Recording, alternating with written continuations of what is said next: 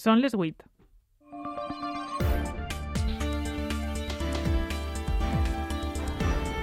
A punt. Les notícies de la nit. Amb Sara Garcia.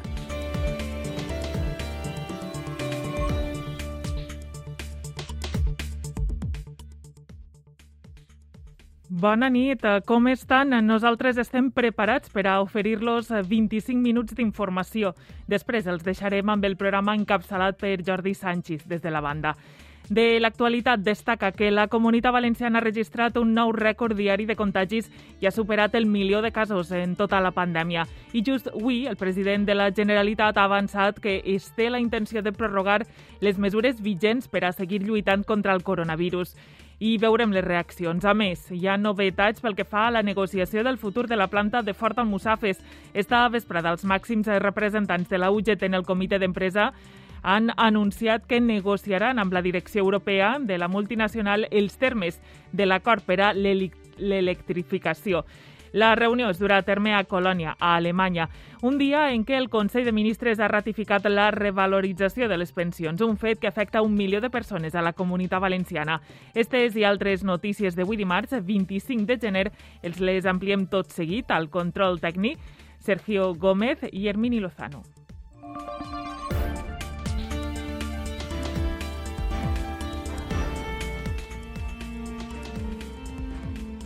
Comencem amb la previsió de l'oratge. Avui hem tingut un dia fred i amb algunes pluges. Volem saber si continuarà així amb Joan Carles Fortea. Bona nit. Hola, bona nit. Avui hem tingut un dia encara gris, fred i amb precipitacions que han arribat a superar els 10 litres per metre quadrat a observatoris de la Ribera Alta. En general han sigut valors inferiors als 5 litres per metre quadrat. Dia fred, amb gelades de matí i màximes que no han superat els 15 graus cap al litoral. Demà encara tindrem molta nuvolositat a primeres hores, amb algun banc de boira, no descartem alguna gota en punts del litoral, però seran coses ja molt poc destacables. De fet, demà ja no esperem precipitacions en general i, de fet, aquesta nuvolositat del matí s'anirà desfent molt ràpidament i al migdia, en general, lluirà el sol, amb més sol o amb cel més ras, com més cap al nord. Les temperatures al matí seran fresques, amb gelades intenses cap a l'interior de València i de Castelló, i al migdia, com que farà més sol que en el dia d'avui, pujaran lleugerament, però tot i això les més altes entre els 13 i els 16 graus. Tot apunta que els pròxims dies continuarem amb un horatge estable, amb més sol cap al nord, més núvols cap al sud i amb un ambient que serà més fred de matí, però amb unes temperatures màximes que pujaran lleugerament a partir de demà o de després demà principalment. Moltes gràcies, Joan Carles. Escoltes a punt, les notícies de la nit.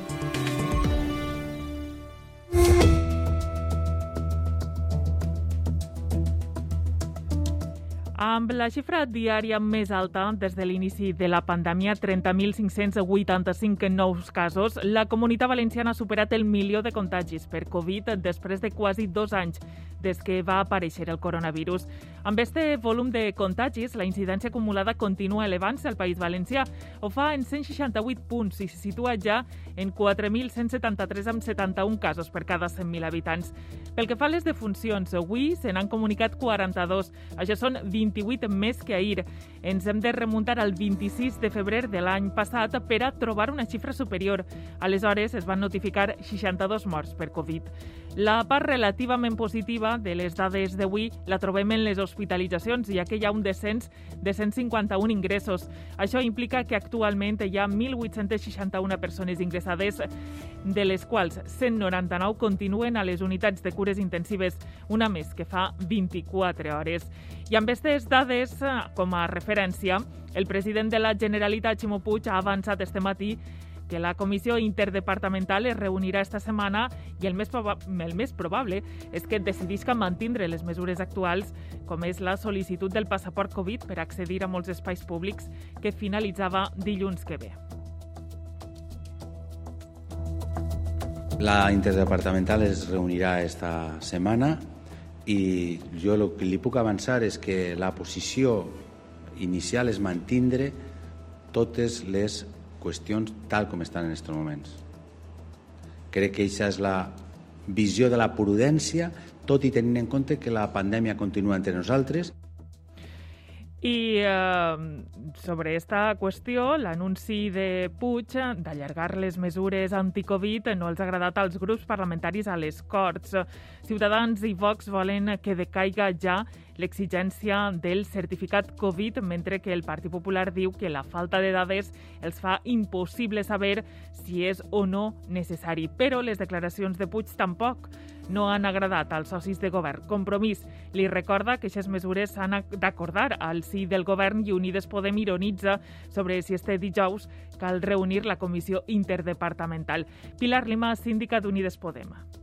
Pues que envíe el acta de la reunión, si ya está. Si lo ha decidido ya. Mm, no sé, a los socios del gobierno no, no nos ha llegado nada. Nos ha llegado que el jueves hay una interdepartamental.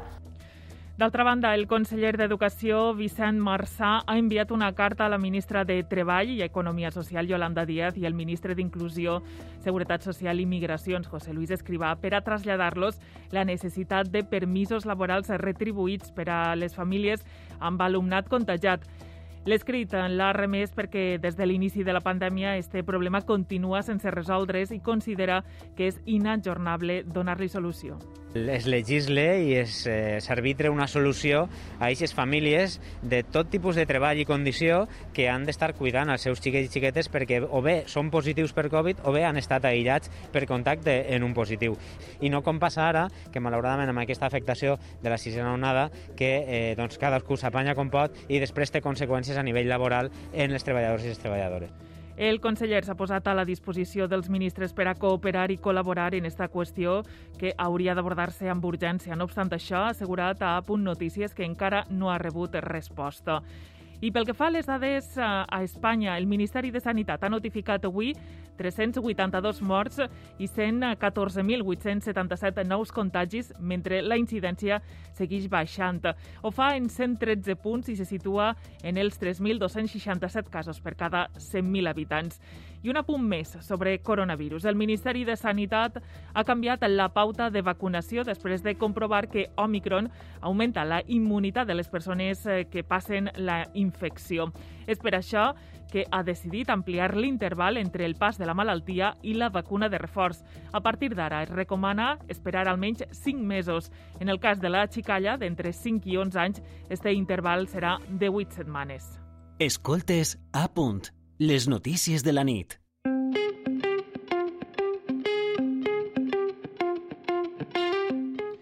Novetats eh, en la negociació del futur de la planta de Ford Almussafes. Els màxims representants de la UGT en el comitè d'empresa de Ford negociaran amb la direcció europea de la multinacional els termes de l'acord per a l'electrificació. La reunió es durà a terme a Colònia, a Alemanya. Carlos Faubel, president del comitè d'empresa.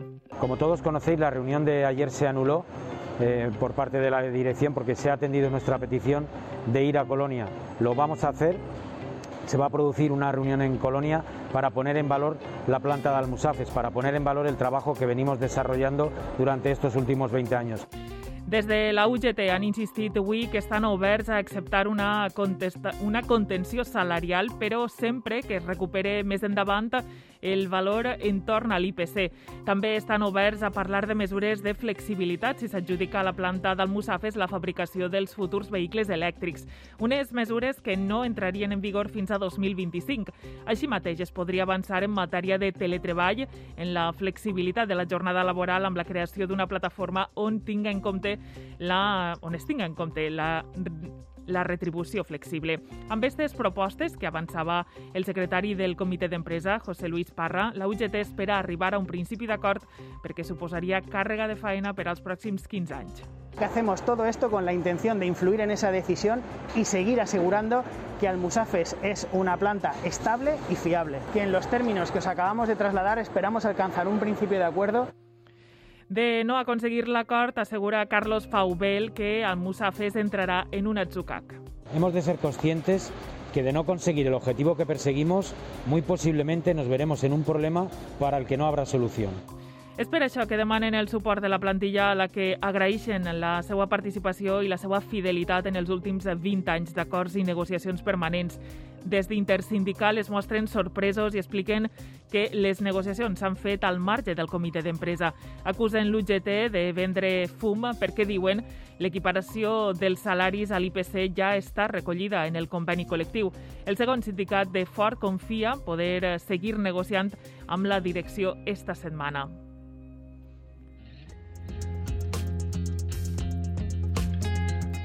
I el Consell de Ministres ha ratificat avui la revalorització de les pensions, un fet que afecta un milió de persones a la comunitat valenciana. L'increment serà del 2,5%, correspon a l'IPC mitjà entre desembre de 2020 i novembre de 2021.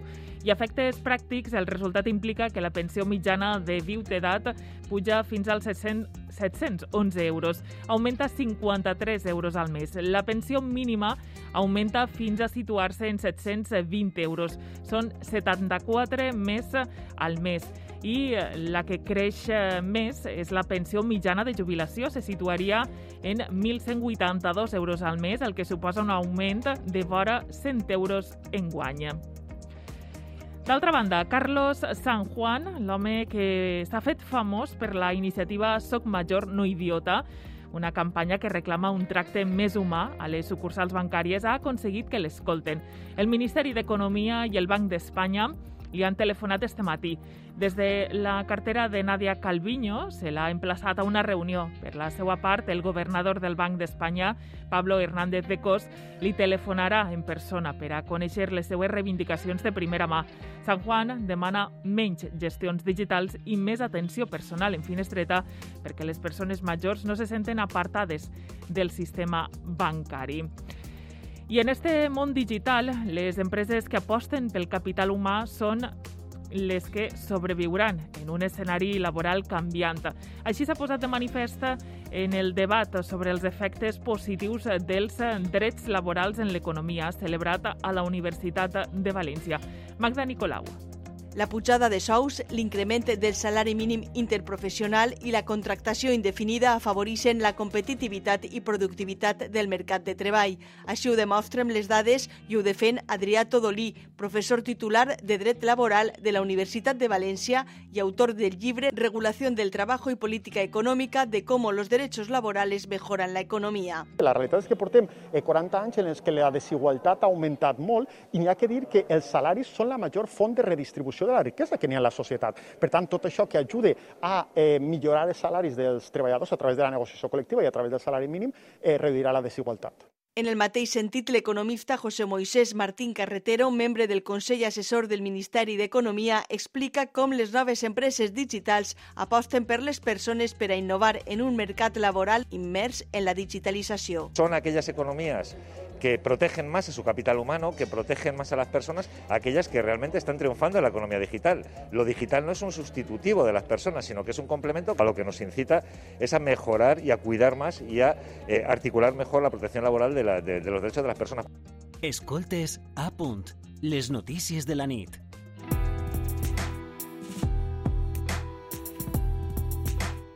I un apunt més d'economia. El món es recupera de la pandèmia més a poc a poc del que estava previst. El Fons Monetari Internacional rebaixa les seues expectatives per a l'economia mundial en mig punt, del 4,9 al 4,4%.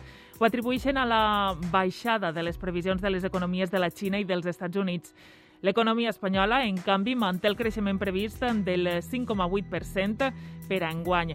Els tècnics del FMI assenyalen que la inflació està allargant-se més del que estava previst i creuen que començarà a rebaixar-se el 2023.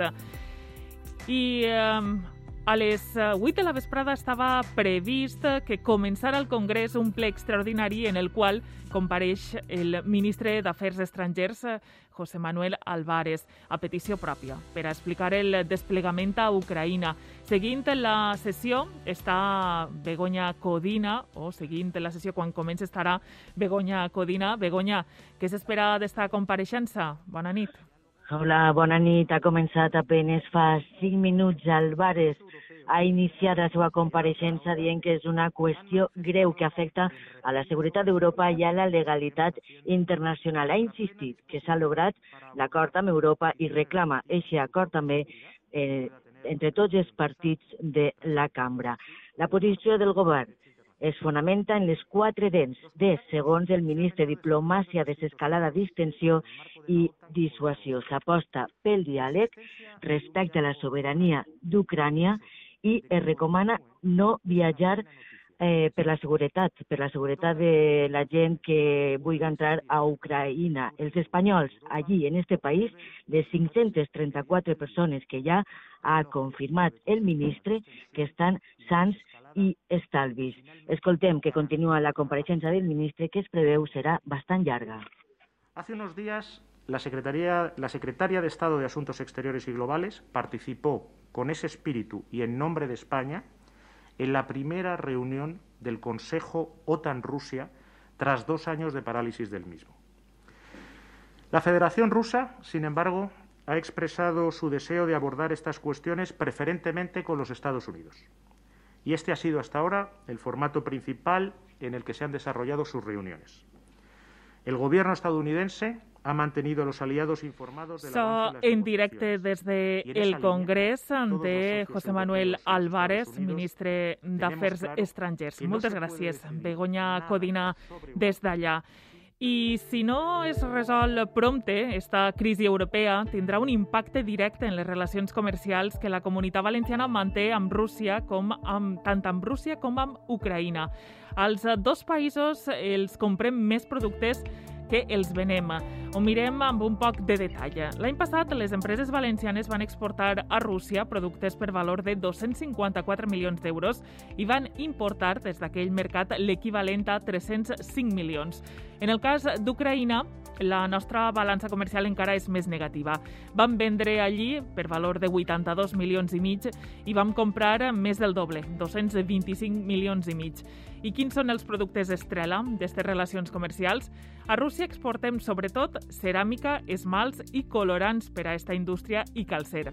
A canvi, importem des d'allí combustible com el gas, productes químics i alumini. Les exportacions valencianes a Ucraïna també estan dominades per la ceràmica, però en segon lloc apareixen els vehicles i en tercer els esmalts. En eh, sentit contrari, importem bàsicament argiles, daxa i fusta. Amb estos números, el sector ceràmic de Castelló està enormement preocupat per l'evolució del conflicte, com ens explica Carles González. El taulell va exportar per valor de 77 milions d'euros als dos països durant el 2021. El mercat rus és clau per al sector ceràmic. José María Segarra és el responsable de l'àrea internacional de porcelanosa. És una situació molt greu. Hi ha moltes matèries primeres que així en el sector venen de, sobretot d'Ucraïna. Rússia en este cas és un país molt important per a nosaltres i jo crec que pel sector en general és un dels països més, més importants eh, a l'hora de vendre. A més, si Rússia talla el gas a Europa, pujaria el preu del d'Alger Algèria que nodrix esta indústria de Castelló i incrementaria la crisi de costos energètics. El sector ceràmic és la punta de llança d'unes exportacions valencianes que han crescut un 16% cap a Rússia i més d'un 22% a Ucraïna durant el 2021. La preocupació s'estén. Marian Cano és la presidenta de l'Associació Valenciana d'Empresaris del Calcer. Hem incrementat les nostres exportacions un 13% i l'objectiu nostre és recuperar les exportacions a nivell pre-Covid. No? Qualsevol conflicte polític d'aquestes característiques de seguida té un, un reflexe en el consum de moda. No, no venem un bé de primera necessitat i aleshores estem preocupats. Preocupa també l'altra cara de la moneda, la pèrdua d'importacions clau. José Vicente Morata és el president de la Cambra de Comerç de València. Y estamos hablando de maíz, estamos hablando de productos metálicos, estamos hablando de muchos de los productos de arcillas que se necesitan para nuestra industria para luego volver otra vez a exportar.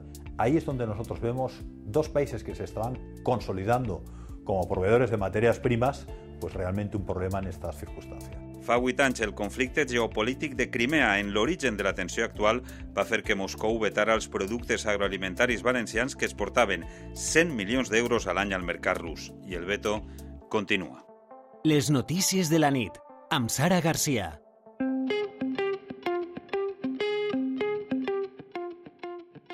I tornem a les Corts perquè els grups de l'oposició s'han mostrat molt crítics amb el calendari de sessions decidit per la majoria del Botànic. PP, Ciutadans i Vox diuen que el Consell i el president Puig s'amaguen del control parlamentari. El bloc majoritari assegura que és eh, la programació més adequada i que la dreta no és qui més treballa a les Corts. Xavier García del Valle. L'última sessió de control a les Corts a Ximo Puig va ser el 25 de novembre. Segons el calendari que han dissenyat els grups del Botànic, no en tindrà una altra fins al 10 de febrer. I l'últim ple del període serà a mitjans de juliol. Per a les portaveus de Vox, Ana Vega, de Ciutadans, Ruth Merino i del PP, Elena Bastides, això és amagar-se de les Corts i poques ganes de treballar. El Botánico ha decidido pasar rodillo y que quiere terminar irse de vacaciones antes de tiempo. Una vez más, el Botánico ha pasado el rodillo y el calendario de sesiones será el que exclusivamente ellos han decidido y quieren que sea. Es incomprensible, ¿no? Ese afán de huir de las Cortes para que el presidente de la Generalitat o el gobierno valenciano en su conjunto pues pueda dar las explicaciones que corresponden. El botànic es defensa. La síndica d'Unides Podem, Pilar Lima, parla d'intencions no confessades en el PP. Es curioso, ¿no? Que la oposición, el Partido Popular, hable de tener más plenos porque lo que quieren es visibilizar a su síndica ausentes. Aitana Mas, de Compromís, i Carmen Martínez, del PSPB, diuen que no hi ha temps per a més i que la dreta no pot donar lliçons d'estima al treball. Han proposat, per exemple, que tinguem un ple cada setmana del mes de febrer, un ple cada setmana del mes de maig, eh, pues, qüestions incongruents tenint en compte la quantitat de comissions que tenim en marcha. Me sorprende también que algunas eh, portavoces de los grupos parlamentarios que menos aportan a este, a este Parlamento bueno, pues tengan la mala, el mal gusto de decir que algunos no queremos trabajar cuando la verdad es que se les ve poco por esta casa. També han que amb el PP les Corts solien tancar en juny. I Vox ha denunciat Mònica Oltra davant la Fiscalia de Menors de València en relació amb els presumptes abusos sexuals a menors tutelats. Considera el partit d'extrema dreta que la vicepresidenta i consellera de Polítiques Inclusives ha incorregut en els delictes de deixadesa de funcions, omissió del deure de perseguir delictes i implicació en la prostitució de menors. Vox també ha denunciat pels mateixos motius la secretària autonòmica d'Atenció Primària i Serveis Socials, Irene Gavidia i eh, la justícia ha decidit investigar sis mesos més Francis Puig, germà del president de la Generalitat per un presumpte delicte de frau de subvencions i falsedat documental per unes ajudes al foment del València. El termini d'instrucció de la causa acabava el 29 de gener i ara el titular del jutjat creu convenient allargar-lo per la complexitat del cas i la quantitat de persones investigades, entre les quals també figura el director general de Política Lingüística, Rubén Trenzano, que ja va ser absolt en una causa anterior. D'altra banda, viatjar des d'Alacant, i canviem mm, bastant de tema, viatjar des d'Alacant fins a Dènia serà més barat i més senzill abans d'este estiu. La Conselleria de Mobilitat ha anunciat la seva intenció de reduir les zones tarifàries del tram d'Alacant de les sis actuals a només tres. A mitjan termini també es planteja la in integració de tarifes amb Renfe i la inclusió d'Elx i altres municipis en el sistema metropolità. N'informa des d'Alacant Francesc Manel Anton. El sistema tarifari del tram d'Alacant és un poc confús per a l'usuari. Hores d'ara hi ha sis zones diferents i tres més de transició, cosa que fa molt complicat tindre clar el bitllet que has de traure.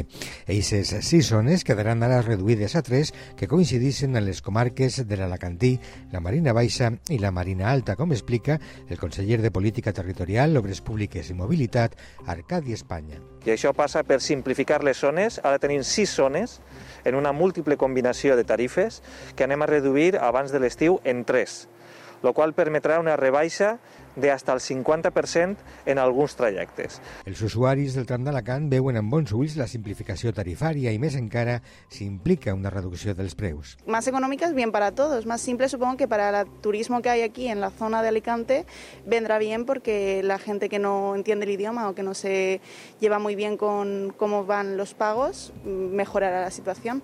Dentro de Alicante são duas zonas, zona A e, e essa linha 1, né? Que hace Bernidão. E, bueno, é um custo El conseller i la direcció de ferrocarrils de la Generalitat també treballen per integrar Elx i el Baix Menalopó en el transport metropolità de l'Alacantí i unificar les tarifes de tots els transports públics de la zona. A més, Arcadi Espanya ha anunciat la reobertura de la línia 9 del tram entre Benidorm i Dènia abans que acabe l'any i una vegada finalitzades les obres. A punt Les notícies de la nit.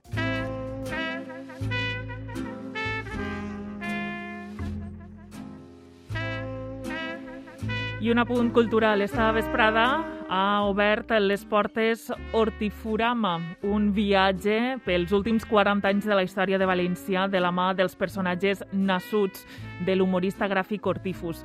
La mostra recull més d'un miler de peces entre il·lustracions, retrats, objectes i fins i tot ninots de falla. Una mirada crítica i amb humor de la societat, la cultura i la política valenciana. Es pot visitar a la nau de València fins al mes d'abril. Escoltem uh, Toni Ortiz, Hortifus, humorista gràfic. Aproximadament és un 1% de, de tota la obra. Així de tot s'ha buscat de que, de que les fites eh, principals de, i els moments efemèrides més, més importants de, de la història, perquè això és un testimoni històric i gràfic, pues, que estiguen representades. I posem així punt i final a les notícies de la nit. Eh, ara, moltes, moltes gràcies per estar ahí. Ja saben que poden seguir informats i informades en la televisió, les xarxes socials i el web d'Apunt Mèdia.